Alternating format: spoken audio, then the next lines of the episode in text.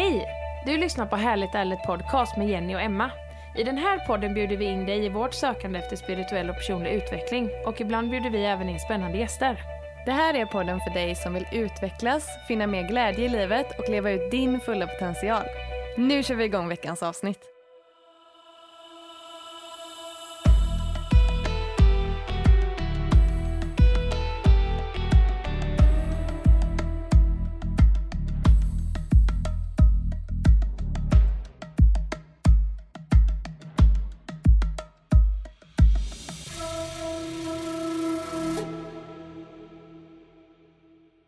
Aldrig sålt så mycket hudvård som det gör idag och samtidigt så har vi i västvärlden fler hudåkommor än någonsin tidigare. Är detta en slump eller finns det ett samband? Idag vet man att huden är ett mycket känsligt ekosystem som är uppbyggt av mikrober, hudceller och sebum. Dessa olika delar samarbetar för att huden ska vara frisk. Hudvårdsprodukter och andra livsstilsvanor har i vårt moderna samhälle rubbat balansen i detta känsliga ekosystem. Och det krävs nu ett nytt sätt att se på hud och hudvård. Sapienic skapar hudvårdsprodukter som enbart har ett syfte. Det är att gynna den fantastiska funktion som vår hud har byggt upp under 1,9 miljoner år av evolution. Vi har fastnat för just Sapienic för att de är modiga som vågar strunta i hudvårdsnormerna. Och de har inga rengöringar, peelings, ansiktsvatten eller moisturizers. Och resultatet av detta blir en frisk hud med ökad elasticitet, fasthet och bättre motståndskraft mot inflammationer och känslighet i huden. Ni kan läsa mer på deras hemsida www.sapienic.se och det stavas S-A-P-I-E-N-I-C. Och veckans gäst är ingen mindre än en av de som bygger Sapienic. Det är hudvårdsrebellen Kristoffer Genberg. Tack Sapienic för att ni är med och sponsrar veckans avsnitt. Och vi säger som du Kristoffer, fuck soap!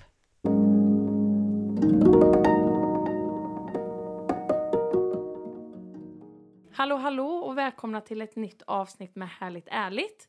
Idag sitter vi hemma hos dig Jenny Gregered. Ja, det gör vi. Och med oss har vi hälsorebellen Kristoffer Genberg. Det var ett fint smeknamn. Ja. ändå, Tycker jag. Men det är du ju. Ja, det, det var väldigt snällt. Jag ser mig själv. Ja. Nej men vänta här nu, nu sa jag hälsorebellen. Det är hudvårdsrebell. ja, det är bättre. Ja, Det är mer spot on, ja. Ja. Precis. precis. Hälsorebell, det, alltså, det har ju mycket med varandra att göra, hälsa och hudvård. Men det är klart, hudvård är ju mer specialistmässigt sett vad jag är. Ja, Så. precis. Så hudvårdsrebell kallar jag mig själv. Ja. Det är jäkligt ja, jag tycker det är nice. Det är väldigt Mm. kraftfullt. Mm. Man blir väldigt nyfiken. Ja. Så Kristoffer, vem är du och vad är det du gör? Jag är en person som försöker förändra hudvårdsvärlden till det bättre. Mm. Så min bakgrund, jag har bokstavligt talat levt hudvård och framförallt hudens mikrobiom som vi ska prata om sen eh, i tio år. Jag har liksom ätit, sovit, bokstavligt talat levt probiotisk hudvård.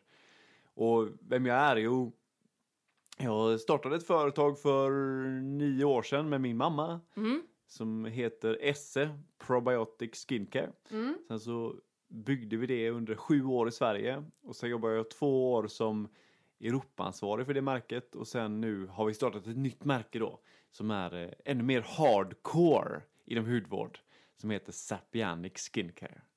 Och eh, återigen, det, det, jag är probiotisk hudvård. Jag Ja, kan inte identifiera mig det som här är så jävla nice! Ja, för Ja. precis innan vi tryck, tryckte på play här så pratade vi just om det att det är jävligt nice med människor som går all in. Ja, Och det kan man ju verkligen säga att du gör. det kan man säga att jag gör. Ja. Ja, det kan jag hålla med om. Det är sjukt eh, inspirerande tycker jag. Älskar det. Ja. Kul! Ja. Men hur kom du in i hudvårdsbranschen? Nej, alltså, det började, jag, jag kom inte alls från den här branschen utan det var jag och min familj som var på semester i Sydafrika för 11 år sedan. Min pappa fyllde 50. Och då hade min mamma glömt sin necessär i Sverige. Så hon hade glömt sin hudvård i Sverige. Så hon köpte hudvård nere i Sydafrika, där vi var, bara för att ha temporärt. Och när hon testade detta, det hette då S. När hon testade detta så blev hon så fruktansvärt nöjd med det. Mm. Så när vi kom hem till Sverige igen så ville hon fortsätta med produkterna och, och kollade då vad finns det att köpa i Sverige. Och de fanns ingenstans. Nej. Och så visade hon mig produkterna och jag testade det Och jag har haft, inte akne, men ganska mycket finnar när jag var yngre. Mm. Så jag har testat mycket olika hudvårdsprodukter. Mm. Men kände liksom att det här är bra, Ja. riktigt bra. Så vi kunde inte släppa konceptet utan vi kontaktade då han som är grundare av märket nere i Sydafrika. Trevor Stain, som också är personen jag är min kollega nu då på det nya märket. Vi kontaktade honom och sa typ att Hej, vi är två svenskar, vi älskar ditt koncept, kan vi få träffa dig? Mm. Och hans motfråga var ju då givetvis, men kan ni någonting om hudvård? Mm. Vi sa nej, det kan ingenting. Men eh, vi lyckades sälja in det här att vi då ville träffa honom. Så vi åkte ner till Sydafrika igen, hade ett möte och kom hem, sa upp oss från våra jobb Ja. och eh, där startade våran hudvårdsresa. Alltså det är så jäkla coolt att Ja. det här startade med att man glömde en Ja. necessär. Ja, Och jag, men där kan jag ändå bli så här att det kan man ju tänka att det kanske bara var otur. Att det var slumpen där. ja. Mm. Men jag menar, nej. Det, kan, det var ju meningen att din mamma skulle glömma den där necessären. ja, och sen så handlade det mycket också om att man skulle ju också bara kunna se det som ett misstag och inte göra så mycket åt det. För det är ju ofta man stöter på någonting som man tycker om och kanske så här, ja men det här var bra, men det fanns Mm. inte i Sverige. Love, och så precis. bara går, rinner ut i sanden. Exakt. Medan här så hade vi en dragningskraft till det här märket på något sätt. Mm. Ja. Eh, du har ju berättat för oss att Sapienic är världens näst bästa hudvårds... Eh, Ja, vå- hudvård. ja. Varför är det det? Jag hatar hudvård, Jaha. Jaha. men jag älskar hud. Ja, okej.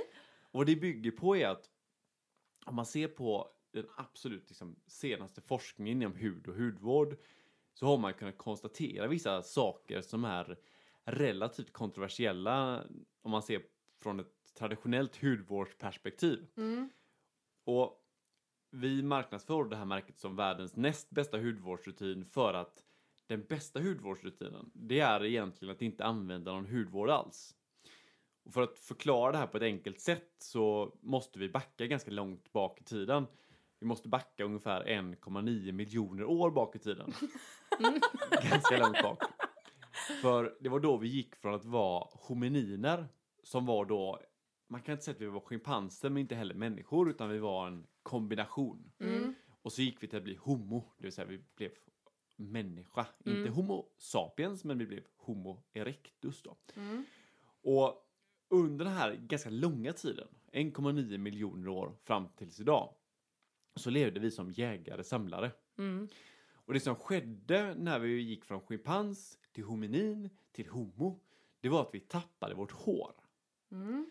För en apa är ju ganska hårig medan vi är relativt ohåriga. Mm. Och det innebar att hu- huden behövde utveckla sig. Mm. För att när vi har hår så har huden ett skydd. Vi blir inte utsatta för UV på samma sätt, inte utsatta för eh, svett som Nej, inte, precis. och liknande. Så under den här extremt långa tiden så utvecklades vår hud och anpassade sig då till att få och leva som en jägare-samlare. För det var Mm. så vi levde då Mm. under en lång tid. Och sen efter 1,9 miljoner år så var det vissa, som, vissa av oss som började då att bru, bruka jorden. Vi blev jordbrukare. Mm. Och så levde vi som jordbrukare i 8000 år. ungefär. Och, sen, och då försökte ju huden anpassa sig till det här jordbrukslevnadssättet då. Ja. Precis. Och det är ganska annorlunda mot att leva som jägare samlare. Och sen de senaste hundra åren i princip Mm. så har ju vår hud förändrats. Eller inte huden, men vår livsstil har ju förändrats radikalt. Ja, precis. Vi har ju gått från att vara liksom någon form av människa till att bli urbana människor. Ja. Mm. Och vad det här innebär är ju att vår hud då hade 1,9 miljoner år på sig att anpassa sig till ett liv som jägare samlare. Mm. Sen försökte den anpassa sig till 8000 år som jordbrukare.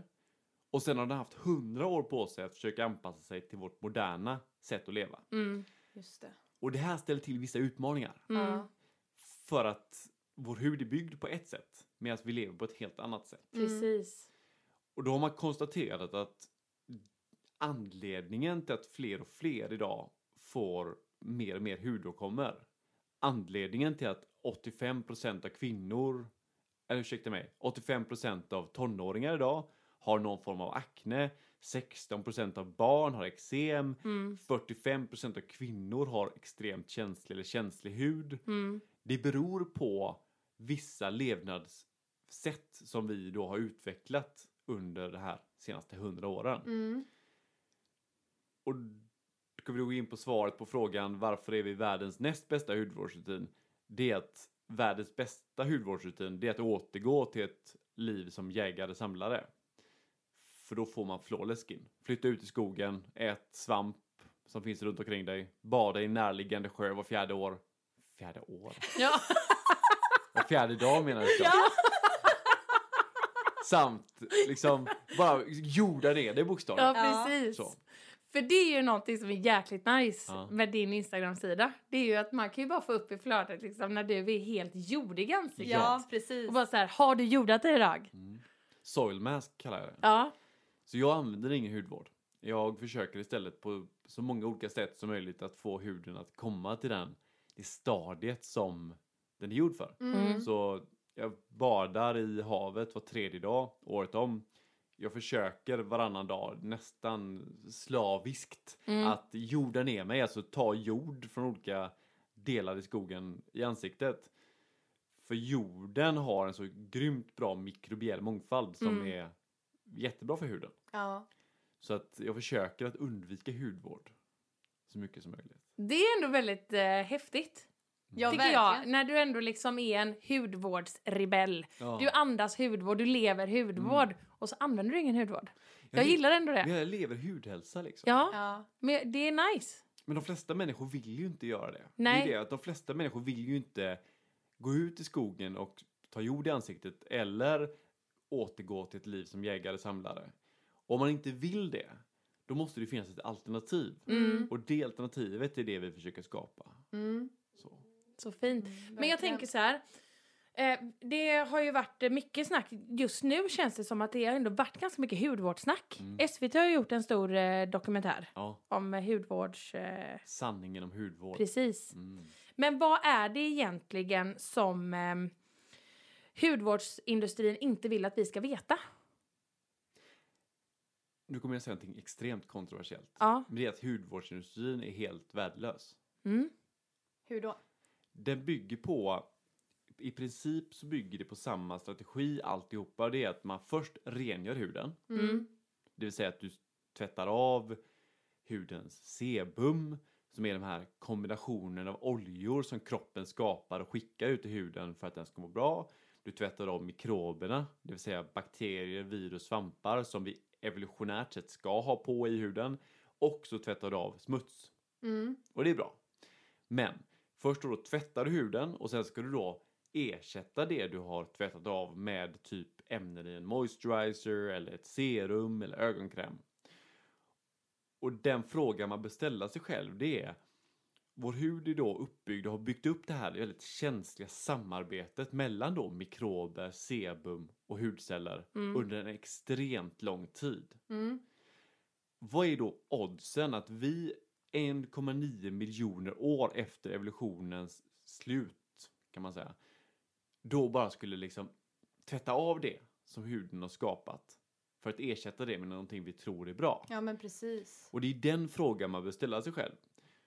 Och fram tills för typ sju år sedan då fanns det inte så mycket studier kring just hudens mikrobiom. Det Mm. vill säga att det fanns ingen kunskap om att det här existerade på det sättet som man vet idag. Nej. Och då var det helt naturligt att göra hudvård på det sättet som gjordes. För Mm. man hade inte kunskapen. Nej. Men idag så vet vi. Vi vet så sjukt mycket om huden och hur huden är uppbyggd och funktionen i huden och vad som är viktigast med huden. Mm. Och ändå så är det business as usual. Ja. Det har inte förändrats alls, typ. Alltså tror du att det är, jag tänker så här att stora företag, att de har svårt att säga oj vi hade fel. Alltså att det ligger liksom Ja, mycket stolthet i det. Att det- vi kan ju inte Det bara... är inte stolthet, det är pengar. Ja. Mm. Jag menar, bara i Sverige så omsätter hudvårdsindustrin, bara hudvårdsindustrin, 5,7 miljarder per år. Jävlar. Bara Sverige. Mm. Och det växer år efter år. Men shit. Och det är klart att har du då ett företag eller en bransch Mm. som bygger på en strategi Mm. och sen plötsligt, i princip över en natt, så kommer det är information som säger att okej, det vi har gjort nu under hundra års tid är om inte direkt felaktigt, i alla fall inte rätt väg att gå Nej. på lång sikt. Mm.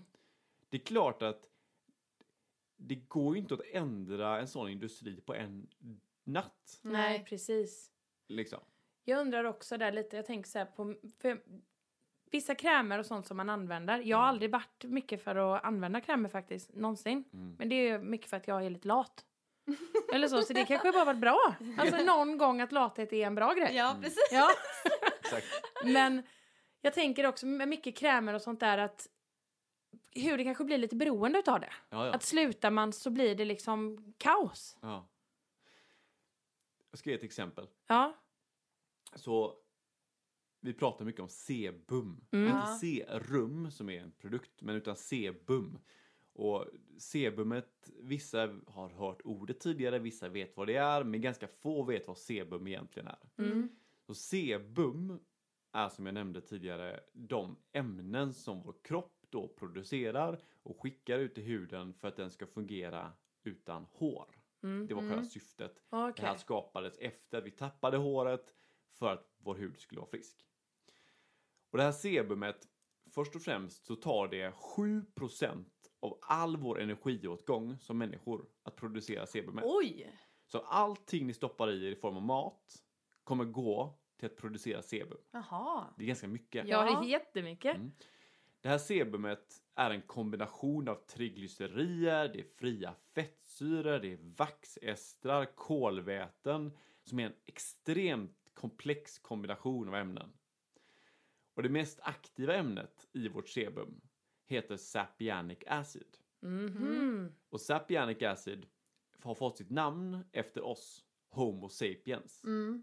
För att fram tills nyligen så kunde man bara hitta det här ämnet i vårt mänskliga sebum. Man hittar inte någon annanstans i hela världen. Nej.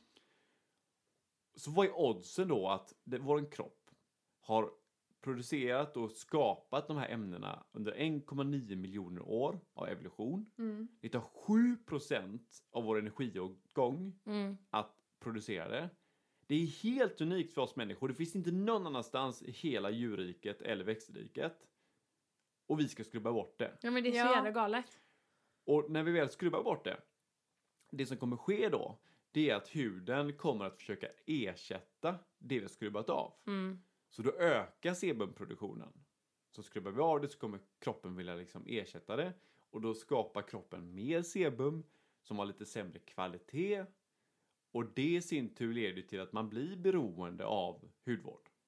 För att så fort du slutar med rengöring så kommer fortfarande kroppen ha en överproduktion av sebum det. Precis. som har sämre kvalitet. Och det innebär i sin tur att när man slutar med rengöringsprodukt så kommer huden kännas fet Ja. första tiden. Mm. Mm. För att den är så van vid att bli rengjord. Det är Mm. som är stressad typ, att Ja, bara pumpa exakt. ut. tänk- Exakt. Ja. Exakt. Mm. Så att det är ju en väldigt positiv grej för just hudvårdsföretag att man är beroende av det. Mm. Så. Tänk ändå, någon, någonting som slog mig här nu att det tar 7% av vår energi Mm. till att skapa det här. Alltså, tänk, alltså huden är ju faktiskt vårt största vad, vad säger man? Det är Organ. vårt, vårt största organ. Ja. Som ligger ändå som skydd för både yttre och liksom skydd för allt det inre. Ja, det är inte konstigt egentligen. Att det Nej. krävs så mycket energi Mm. för, att, för att skapa någonting som ändå är skyddande för, för vårt största organ. Ja, exakt. Ja. Ja. Nej, det är sjukt. Men tror du att fler hudvårdsföretag kommer liksom haka på det här och ändra hur Ja, de det jobbar? måste de. Ja. Det finns ju inget alternativ egentligen. För att så länge inte det sker en förändring så kommer ju de här siffrorna som är negativa, det vill säga antal fall av rosacea, eksem, akne, hudåkommor, känslig hud, öka. Dilemmat blir ju just att det krävs en ganska stor förändring. Mm. Vi ser ju redan idag att det är jättemånga av de här traditionella hudvårdsföretagen som har börjat lägga i probiotika, det vill säga goda bakterier, Mm. prebiotika, näring för goda mikrober i hudvård. Dilemmat är att i många fall så handlar det om att de i princip får en panik så här, okej, probiotika är supertrendigt just nu i Mm. hudvård. Då lägger vi probiotika i en befintlig hudvårdsprodukt och kallar det för Mhm. probiotic product. Mm.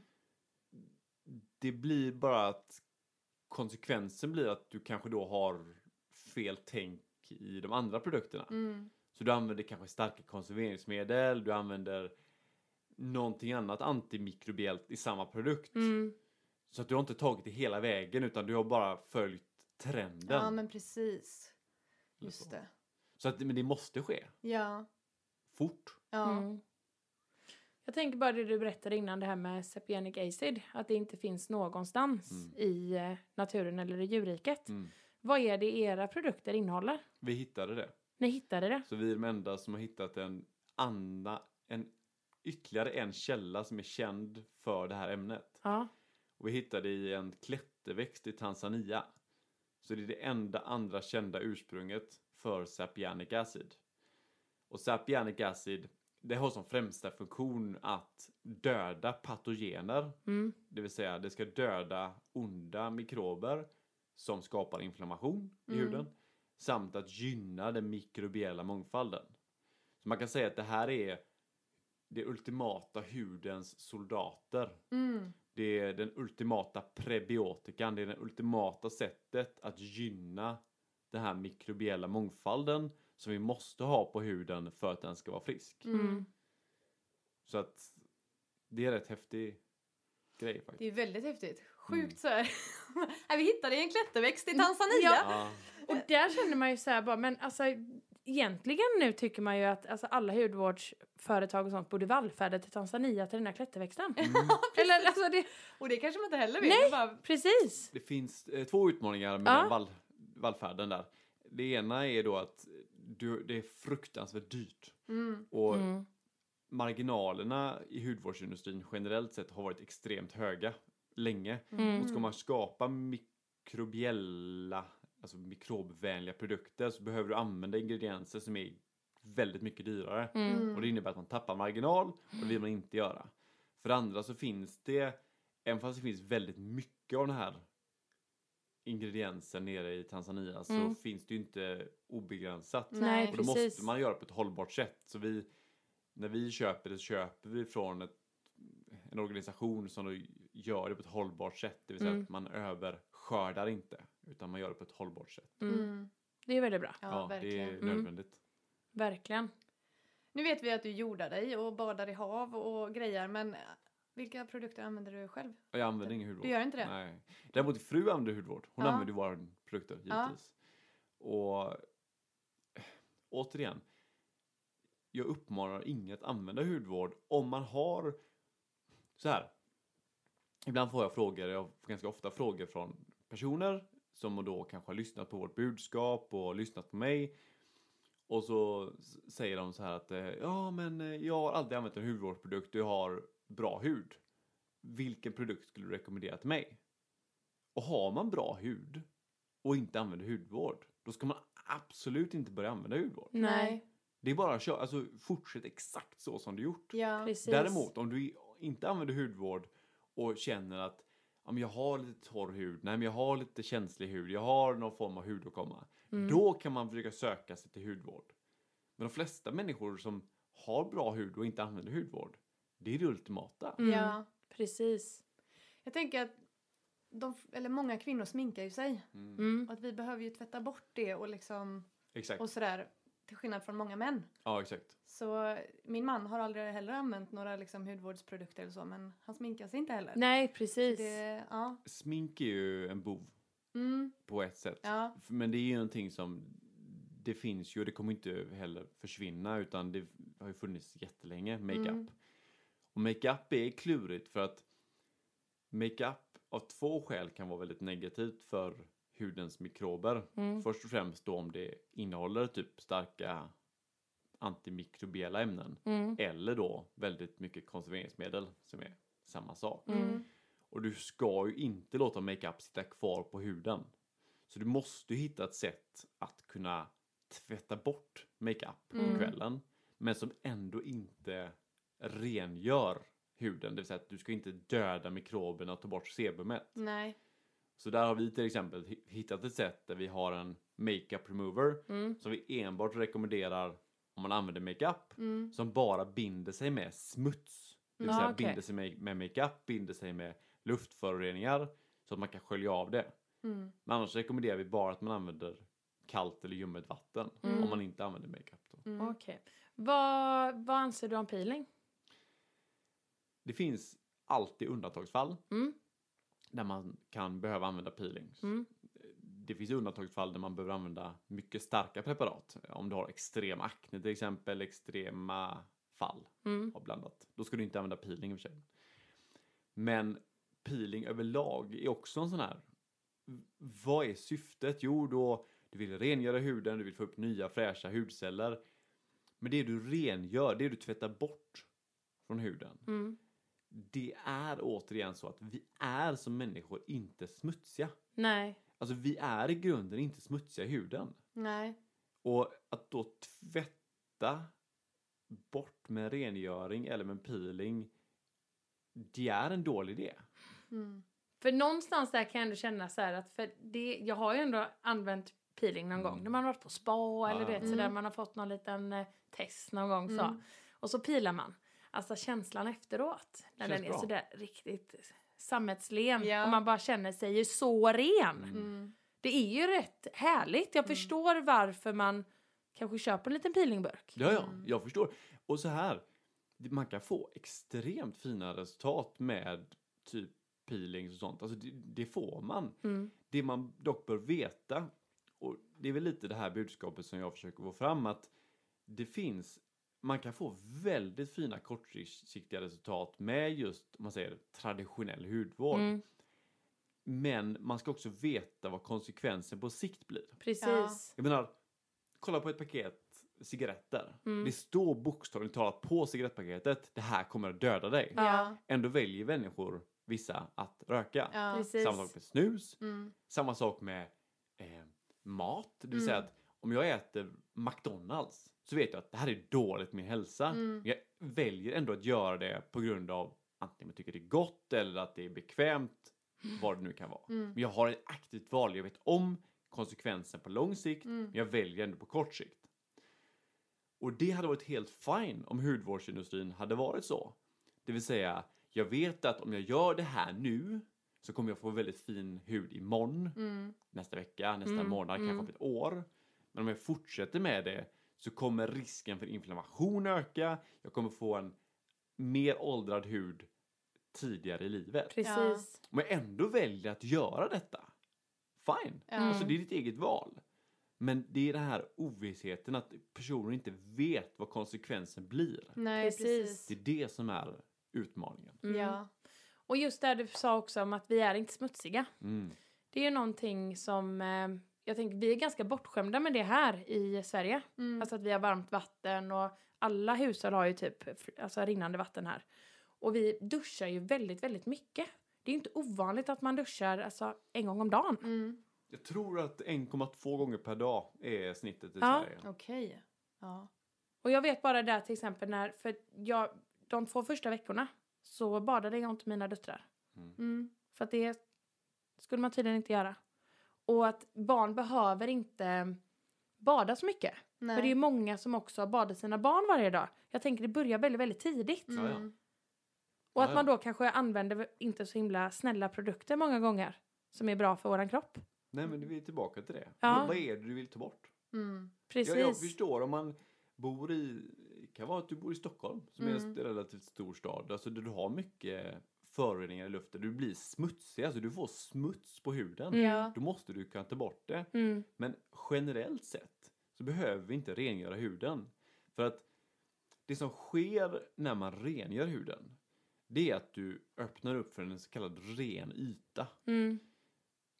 Jag brukar dra exemplet, det här har ni kanske hört tidigare när jag har pratat om det, men det finns en väldigt bra liknelse kring just hud och inflammationer i huden.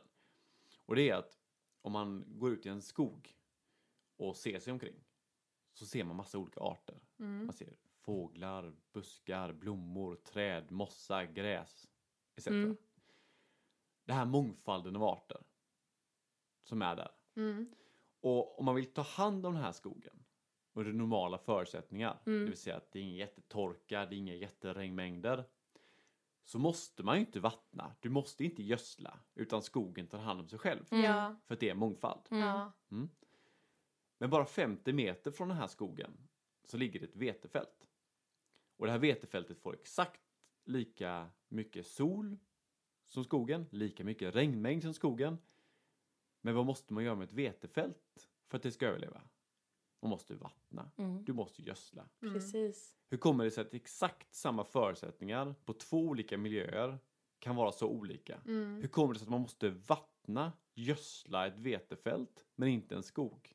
Nej, precis. Det beror på att det finns bara en art av vete i vetefältet medan det Mm. finns en mångfald av arter i skogen. Och det här är den perfekta liknelsen mellan just en obalanserad hud, det vill säga Mm. en inflammerad hud, och en frisk hud. Mm. Det vill säga en, ett vetefält är en aknehud, Mm. En eksemhud, en rosaceahud, medan en frisk hud är ett, en skog. Om man då ska tweaka vidare den här liknelsen och ta det just med rengöring. Mm. Säg då att man bränner upp skogen. Mm. Du bara bränner det fullständigt ner från grunden. Har man tur då så kommer det växa upp jättefina blommor och träd och buskar direkt och får den här mångfalden igen. Men har man en ren yta även i naturen Mm. så kommer det första som växer upp i många fall vara mossa, Mm. ogräs, patogener, alltså ganska onda arter. Mm. För det är de som lättast tar över en ren yta. Mm. Och likt väl på huden då att om du rengör huden, du tar bort de här mikroberna från hudcellerna. Mm. De som lättast dockar, de som lättast tar över en ren yta, det är patogener på huden. Oftast Staphylococcus aureus då som är en ganska stor orsak till just både eksem och akne. Mm. Så att paradoxen blir total när du märker att en rengöring kommer förmodligen göra huden smutsigare Ja. om du räknar smutsig hud som en hud som har mycket onda mikrober på sig. Mm. Precis. Det var en lång utläggning men jag hoppas att den funkar Ja. den här liknelsen. Den målar upp väldigt bra, alltså, men man blir ju så här mindfuck, alltså varför är det, varför blir vi lärda allting tvärtom? Mot vad det egentligen Ja, hur det Man ska visste vara. inte. Nej. Det, det är att du, du hade ingen kunskap om det. Du Nej. hade väldigt lite kunskap om hur viktigt den här, det här samarbetet mellan just mikrober, hudceller och sebumet är och Mm, var. mm. Och vet man inte det så kan man inte skapa produkter som Nej. hanterar det heller. Nej. Nej, det är sant.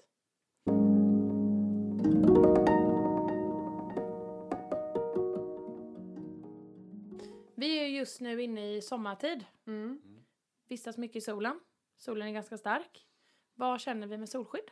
Vi känner att solskydd är fantastiskt bra när man befinner sig i väldigt starkt UV. Mm. Får jag dra den Ja! här utläggningen? Varsågod. Självklart. Okej. Scenen är din. Ja!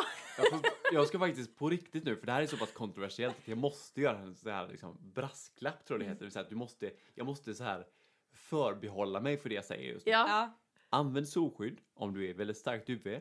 Om du är utomlands på sommaren, sorry, på vintern. Mm. Om du är inomhus väldigt stor del av året och sen går ut i juli och lägger dig på strand i en månad. Mm. Använd solskydd, använd helst fysikaliskt solskydd eftersom det tar minst skada på hudens mikrober. Med det sagt, nu ska vi gå tillbaka och backa bandet lite till här. Ja. Okej. Vi måste återigen gå tillbaka till vårt evolutionära ursprung, huden. Ja. Så för 1,9 miljoner år sedan så bodde de första homoarterna nere i Afrika. Och om man backar ännu längre tillbaka, om vi backar bak till att vi var schimpanser. Mm. Vet ni varför vi gick från att vara håriga apor till att bli mindre håriga människor? Varför tappade vi håret? Mm.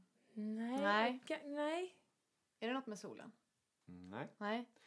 Det berodde på att när vi började gå på två ben och inte fyra ben så började vi hitta och ha utmaningar med att överleva. Mhm. För vi kunde inte springa ikapp en antilop.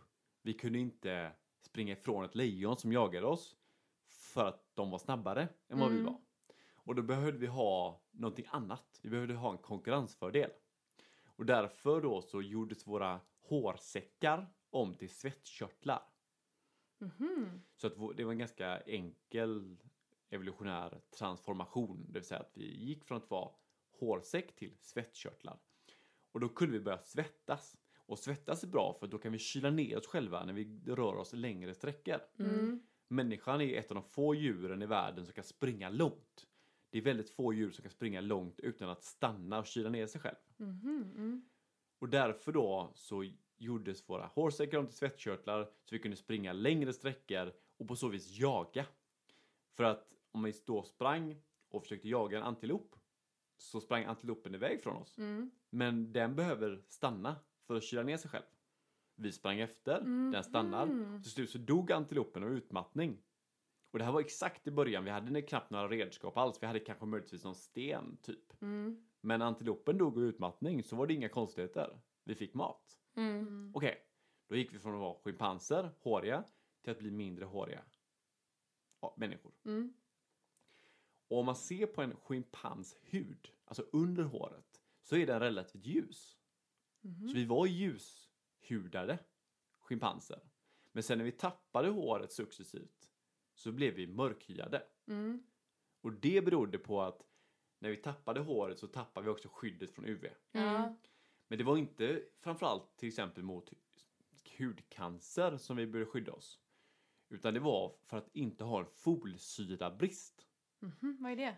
Folsyra är framförallt viktigt för gravida kvinnor. Mm. För har man en folsyrabrist så är risken hög att man får missbildade barn. Okej.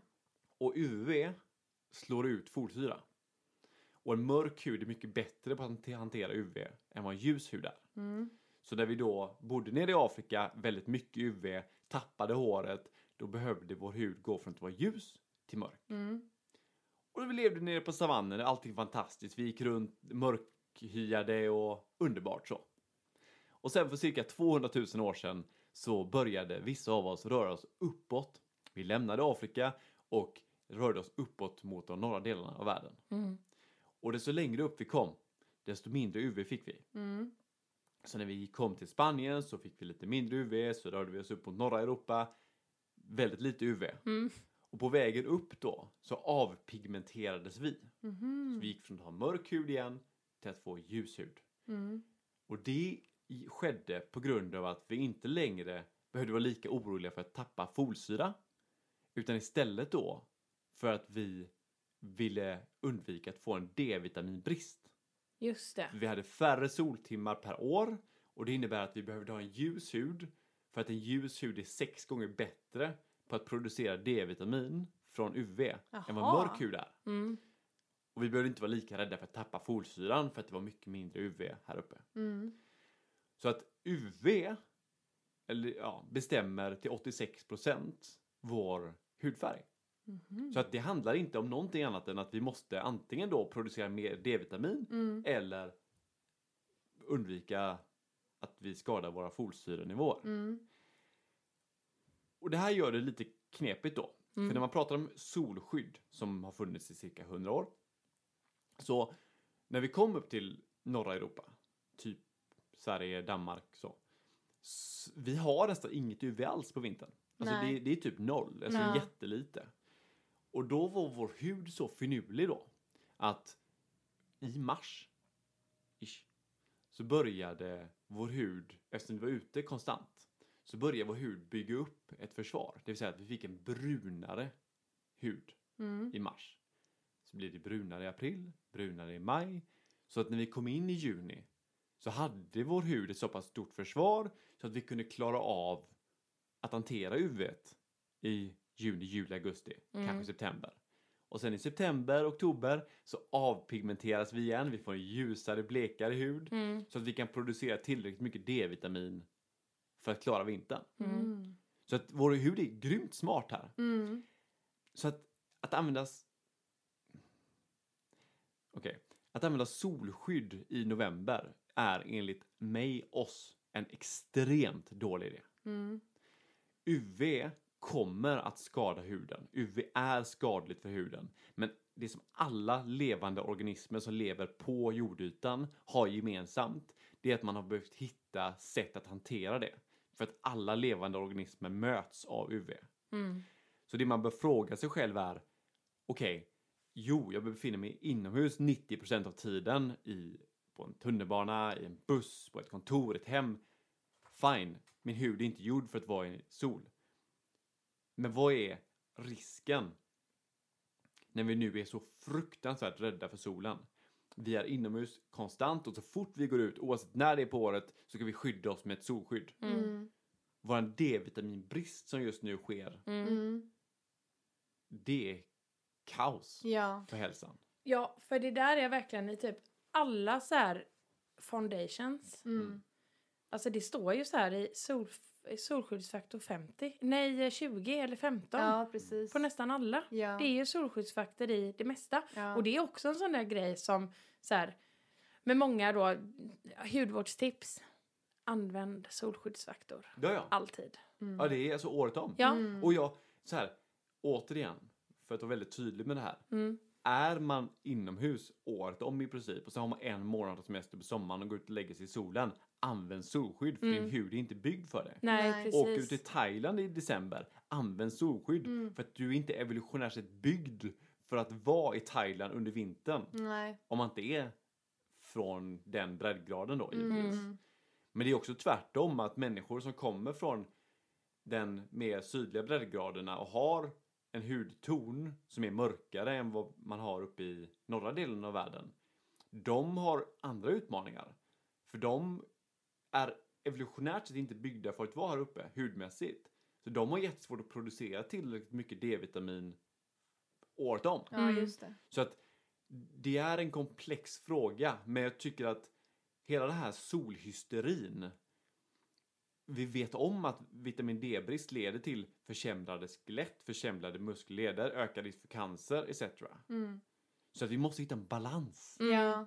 Och det är det vi söker. Som med allt i livet. Den här jävla balansen, Ja. den är Vad fan är den? Den är svår. Ja, den är jättesvår. Det var ett väldigt långt svar på Ja, nej, men jag älskar det. Det här är så jävla intressant, Ja. Kristoffer. Man blir ju verkligen så här...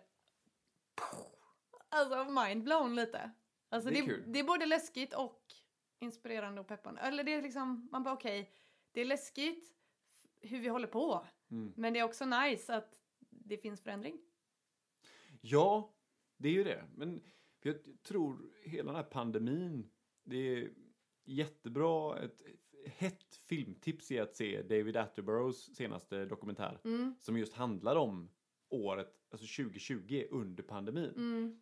Där han pratar mycket då om just det här, varför har det här uppstått och vad kommer ske i framtiden? Och lika mycket som att vi ser en ökad risk för inflammationer i huden, samma sak händer ju i världen. Mm. Det är bara 4 procent, eh, också återigen med risk för några procent fel, av alla arter i världen, av alla organismer i världen som finns som är vilt. Resten är typ människor och kor. Ja. Det vill säga att vi har liksom tagit den här mångfalden som den har, blivit, den har byggts under så lång tid och bara förstört det. Mm. Och det som sker då, det är corona. Det som sker då är pandemier. Det som sker då Mm. är att vi har förstört det som ska skydda oss. Vi har förstört mångfalden Ja. som ska göra oss friska. Mm. Och det kan man se det lilla på huden, du kan se det stora i naturen. Mm. Du kan se det i tarmen, du kan se det överallt. Ja. Men det är också att vi, det känns som att vi mer och mer går ifrån vårt naturliga sätt att leva. Ja. Precis. Alltså vi lever ju så egentligen så jäkla onaturligt. Mm. Vi ja. lever ju inte som vi är skapta att, att leva. Nej. Det är svinsvårt. Alltså. Ja, Mm. och i en värld också som hela tiden prompt liksom, ja men frivilligt eller ofrivilligt slussar ju in oss alla ändå på, ett, på samma väg. Mm. Det är som att det finns en mall så bara stämpla in alla Ja. samma form liksom. Mm. Men det är, fast det känns som att folk håller på att vakna mer och mer. Och Verkligen. bryta sig loss på olika sätt. Mm. Ehm, det känner jag verkligen ändå. Jag hoppas, eh, trots den här fruktansvärda pandemin vi just nu går igenom, Mm. så hoppas man ju ändå på något sätt att det leder till någonting gott, att folk Mm. faktiskt börjar tänka till Mm. lite mer. Mm. För det vi gör nu är ohållbart. Precis. Från alla möjliga perspektiv. Exakt. Jag tänker att man kan likna det vid eh, en utbrändhet. Typ Mm. någon som går in i väggen. Ska ju inte komma tillbaks till det livet man hade innan och de beteendena för det var ju det som gjorde en sjuk. Mm. Att man behöver, det är jättehårt, alltså att gå in i väggen och det är väldigt vanligt. Mm. Men det är många, de får ju, det är ju oftast det som leder till att de faktiskt gör föränd- mer hållbara förändringar Mm. i sina liv. Och Lite det, snällare förändringar. precis. Och det är ju så vi måste göra med det här också. Vi ska inte gå tillbaks till så vi levde. Alltså innan pandemin. Och göra som vi gjorde. För det var ju det som gjorde att allt blev kaputt. Ja, precis. Men det är också kul, jag läste, det finns en, också en boktips Mm. eh, som heter Sapiens heter boken. Den är Mm. ganska många som läst men den är väldigt intressant. Mm. Som handlar just om här, hur vi levde när vi var i jägar-samlarsamhällen. Mm. Och en jägare-samlare, de jobbade bara aktivt. Om man säger att jobb är att söka mat, alltså överleva, någonstans runt 4 till 6 timmar per dag. Mm. Resten av tiden så ägnar man till att vila, leka, Ja. umgås med familjen. Och de här 4 till 6 timmarna man var ute och hittade ja, mat, jagade, då var man ute på äventyr med vänner och familj. Mm. Precis. Vi, vi är, och sen när vi då blev jordbrukare, då försämrade vårt liv radikalt. Ja. Att en jordbrukare för 9000 år sedan, eller 8000 år sedan, hade det fruktansvärt Mm. jämförelsevis med en jägare-samlare. Mm. Man skaffade många fler barn, egentligen bara som arbetsredskap. Mm. Mm. Du var superberoende av att det skulle vara bra år för grödor. Det vill säga att Ja. blev det en, ett dåligt år så svalt ni. Mm. Det, är liksom, det var egentligen då, för 8000 år sedan, som vi började att, ursäkta uttrycket, fucka upp det Mm. vi är byggda för att vara. Mm. Ja. Faktiskt. Back to basic. Japp, Det, that's the way. ja, det är det. Ja. Eh, en, en grej som jag, eh, vi båda två tycker är så jävla skönt när vi har haft mejlkontakt med dig Kristoffer. Det är så här längst ner, en liten hashtag, bara fuck soap. Ja. Ja. Ja, Jag har noterat att jag kan inte använda den på sociala medier för att då blir man degraderad av Instagram och Facebook. För att det är fuck får man inte använda. Så jag har börjat använda no soap. okej. Men jag har tillåtit mig själv att ha det just i mailsignaturen. ja, vi tyckte det Även- var härligt. På min bil, givetvis en hybrid. Ja. så Också Ja. så, här, Ja. så har jag fuck soap på, som slogan längst bak. Ja, Nej, jag tycker det är grymt. jag tycker den är rolig. Ja, Ja, den det är är det. det. Den är riktigt bra. Verkligen. Men nu börjar vi närma oss slutet på det här härliga avsnittet. Eh, ja, eller nej, vi hade kunnat fortsätta. Ja. Men, eh, Vi kan komma tillbaka. exakt. Precis. Vi har två frågor kvar. Kör. Och den ena är, om du fick göra en enda sak för resten av ditt liv, vad skulle det vara då? En enda sak. Mm. Får jag så här, eh, andas? Ja, Ja, absolut. bra. Det är en, annars är det ju kort, väldigt kort Ja. Sant. Ja. Ja. Eh, vad drömmer du om just nu? Jag drömmer om...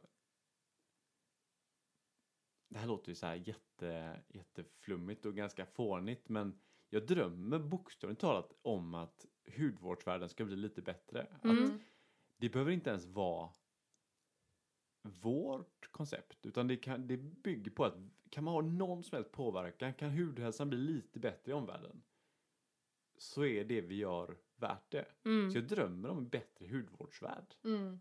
Nice. Bra så. dröm. Och nice att du, det är ju precis det du jobbar på. Ja, Riktigt Och- nice. dag ut och dag in. Ja, Ja. exakt. Faktiskt. Ja, vad härligt. Tusen tack Kristoffer. Det här Tack har för varit, att vi komma. det har varit så himla härligt. Det har varit jättefint. Ja, Kul! Ja. väldigt roligt. Men till alla de som har lyssnat nu, hur eh, kommer man i kontakt med dig? Man kan, beroende på hur extrem man vill vara, så kan man antingen följa, det tycker jag verkligen att ni ska göra, på oss på Instagram. Och då är det Sapianic Sverige. Och det är ju då, tänk Homo sapiens, Sapianic. Sigge, Adam, Petter, Ingvar, Erik, Niklas, Ingvar, Cesar. Sverige. Och sen om man vill vara lite mer extrem, för jag brukar vara lite mer extrem i min egen privata Instagram, där jag också pratar bara om hud. Mm. Och det är Kristoffer Genberg i ett ord. Så det är CH och PH och Genberg med Gustav Erik Niklas Genberg. Kristoffer Genberg. Perfekt. Nice. Grymt. Gå in där och följ och eh, alltså grotta ner er ännu mer. Ja, Ja, kul! yes. Och jag vill bara säga också, är det några frågor eller funderingar så eh, kontakta mig. Jag är öppen för alla idéer. Så. Härligt. Ja, härligt. Nej, det har varit ett sant nöje, Kristoffer. Tack så jättemycket. Tack så jättemycket. Och eh, tack till dig som har lyssnat. Du vet att ni finner oss som vanligt på Harligt Arligt Podcast. Och eh, vi blir jätteglada om ni kommenterar, gillar och interagerar med oss. Och eh, hjälp oss jättegärna att eh, sprida våran podd. Så blir vi väldigt glada. Så får ni ha en fantastisk vecka så hörs vi nästa vecka igen. Det gör vi. Hej då! Hej då!